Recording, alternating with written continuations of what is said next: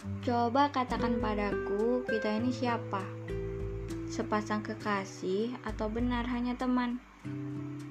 Kenapa takut kehilangan? Kenapa kita harus saling peduli?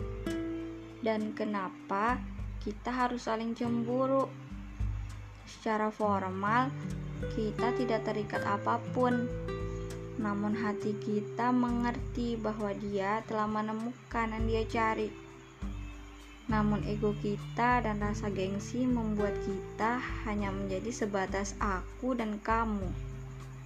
Ini hanya keras kepala kita yang belum bisa menang karena cinta.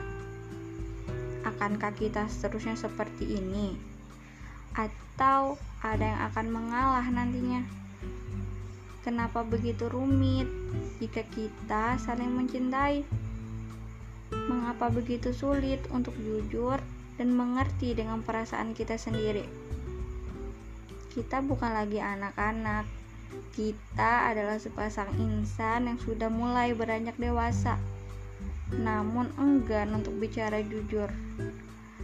Ternyata, semakin kita dewasa, untuk jujur aja itu sulit, ya. Dan anak-anak jauh lebih bijak dari kita sekarang.